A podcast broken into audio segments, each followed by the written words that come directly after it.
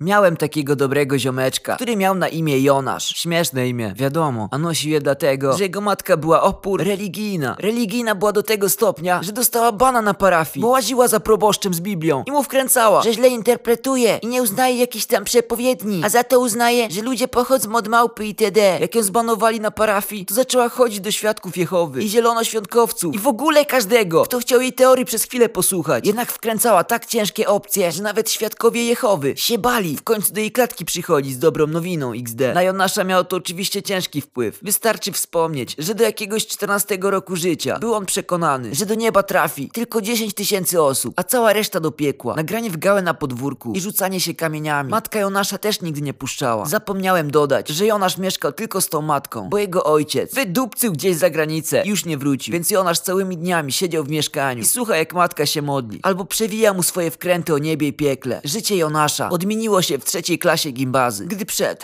testami gimnazjalnymi nam zrobili wyjazd na trzy dni do Częstochowy na Jasnogórę, co zresztą było jedynym powodem, dla którego matka Jonasza go puściła. Wychowawczyni wsadziła go do pokoju z trzema największymi sebami, bo taki grzeczny chłopak będzie miał dobry wpływ na tych łobuzów. Wyszło trochę inaczej, bo siła wiary Jonasza przegrała z siłą sebostwa sebów. Już pierwszej nocy przeszedł on przy płynących z boomboxa dźwiękach Peja swoją inicjację z alkoholem i hehechuaną. Po trzech dniach sebowej indoktrynacji Jonasz wrócił z Jasnej Góry, zupełnie nawrócony, jednak w innym kierunku, niż ma to pod obrazem Czarnej Madonny miejsce zazwyczaj XD. Jonasz został wkrótce przewodnikiem melanżowania. Ku czemu? Miał z dwóch powodów dobre warunki jak na nastolatka. Po pierwsze, jego matka tylko się modliła i zupełnie nie ogarniała rzeczywistości, więc mógł on wracać do domu w dowolnym stanie, trzymać bongosy na biurku w pokoju itd. A po drugie, gdy miał 16 lat, to jego zagraniczny ojciec stwierdził, że matka jest szurnięta i nie będzie już wysyłał hajsu z tej zagranicy jej, tylko Jonaszowi właśnie. Więc chłopak dostawał co miesiąc 300-400 euro, za co można spokojnie balować codziennie, jak się ma te 16 czy 17 lat. Jonasz o ile melanżował twardo, to w dwóch kwestiach pozostawał nietypowy. Jeden, miał turbo wkrętę w historię II wojny światowej i potrafił na wąchany przez 3 godziny przewijać ci, dlaczego tak wielkim błędem było rozciągnięcie szlaków logistycznych Wehrmachtu podczas operacji Barbarossa. Dwa, miał dosyć mocną fobię społeczną, więc melanżował głównie w małym gronie ziomków. Nie chodził do klubów itd. Obydwa te fakty, jak i wielka religijność jego matki, będą w tej historii ważne. Zwykłych historii melanżowych Jonasza można by opowiadać wiele, ale trzy związane z tymi kwestiami są najmocniejsze. Pierwsza, to jak spotkałem kiedyś Jonasza, mocno porobionego w centrum i namówił mnie, żebym wszedł z nim na chwilę na wystawę modelarską, bo idzie się powymieniać spostrzeżeniami z Januszami, modelarzami drugowojennymi. To potem postawi nam obydwu melanż. Na tej wystawie panowała dosyć nerdowska atmosfera, więc Jonasz pod wpływem procentu, ubrany w ciuchy HWDP, trochę tam nie pasował, ale nadrabiał wiedzą XD. Wszystko szło dobrze, aż nie podszedł do modelu jakiegoś niemieckiego statku i nie zaczął dyskutować z Mirkiem, wykonawcą, z którym zaraz zaczął kłócić się, że na takich statkach były zupełnie inne szalupy ratunkowe, więc ten model jest do chuja niepodobny. Mirek dostał bólu dupy, powyciągał jakieś książki i zaczął Jonaszowi udowadniać, że szalupy były dokładnie takie i on ma informacje sprzed 1941, a to jest model po rekonstrukcji w 1944. Jonasz ripostował wspierając się odpalonymi na telefonie forami historycznymi i Wikipedią. W pewnym momencie puściły mu nerwy i postanowił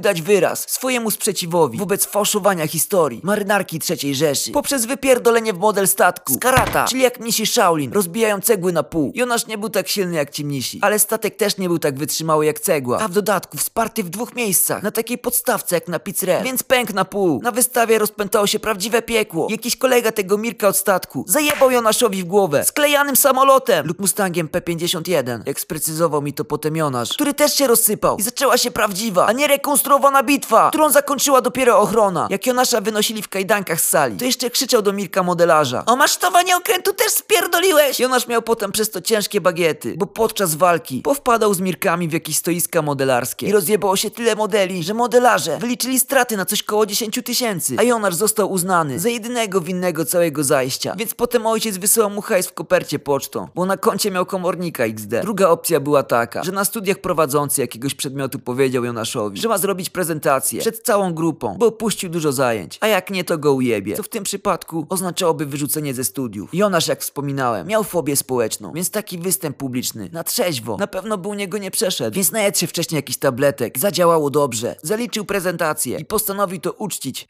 jednym piwkiem. Alko pomieszane z tabletkami sprawiło, że Jonaszowi urwał się film. Pozwolę sobie przytoczyć teraz cytat. Kurwa człowieku, ostatnie co pamiętam, to jak w tym pubie za uczelnią zamawiam żywca, a potem nagle jestem w jakiejś kanciapie, jakaś baba i dziadek ochroniarz na mnie drą ryja po czesku i mi z kieszeni wyciągają słone paluszki. Jak Jonaszowi urwał się film, to świadomość powróciła do niego kilkanaście godzin później. Jakimś cudem trafił w tym czasie do czeskich kurwa budziejowic XD. Poszedł do jakiegoś spożywczaka i zaczął kraść słone paluszki. I to nie tak, że chował całe ich paczki do kieszeni, tylko je otwierał i wysypywał paluszki do butów. Gaci, gdzie się tylko dało XD. Przegnali go z tego sklepu. Okazało się, że nie ma żadnych pieniędzy, telefonu ani dokumentów, więc wracał do Warszawy pięcioma różnymi pociągami, bo go wyrzucali za brak biletu. Za każdym razem dostawał też opierdol, bo z różnych zakamarków jego ciała, odzieży, ciągle kruszyły się te jebane paluszki XD. Mówił, że jak w Pradze się przesiadał do innego pociągu, to na szlaku za nim pojawiała się kolejka gołębi, które zlatywały te paluszki zjadać. Trzecia opcja natomiast polegała na tym, że Jonasz wrócił pewnego dnia na chwilę do domu, po kilku dniach baletu, z zamiarem niedługiego na wspomniany balet powrotu. Samo w sobie nie było to w niczym niezwykłym, natomiast podczas jego nieobecności zdarzyła się sytuacja nietypowa. Mianowicie jego matka była na modłach jakiejś wspólnocie religijnej, gdzie było spotkanie z byłym narkomanem, co odnalazł Jezusa, który opowiadał jak poznać, czy dziecko coś bierze itd. Jak matka wróciła ze spotkania, to po raz pierwszy w życiu ogarnęła, co to są te wszystkie fajeczki, torebeczki, blistry po lekach, zapełniające pokój Jonasza. Gdy syn wrócił więc do domu, postanowiła zastosować się do hasła kampanii społecznej. Bliżej siebie, dalej od narkotyków. Wzięła od Jonasza klucze, a następnie zamknęła drzwi mieszkania, na klucz od środka, że nie dało się bez niego otworzyć. Potem przystąpiła do wypędzania szatana ze swojej pociechy, czyli chodzeniu za Jonaszem po domu i modleniu się, polewaniu go wodą świeconą. Szatan nie chciał Jonasza opuścić, więc kazał mu zamknąć się w pokoju i kazać matce się odpierdolić. Jonasz był nietrzeźwy i bardzo chciał wrócić na nadal trwający melanż, więc podjął decyzję, że wyjdzie sobie z mieszkania. Z trzeciego piętra piorunochron okazał się być równie mało wytrzymały, co model statku z nerdowskiej wystawy. Więc Jonasz zjebał się na łeb na chodnik i umarł.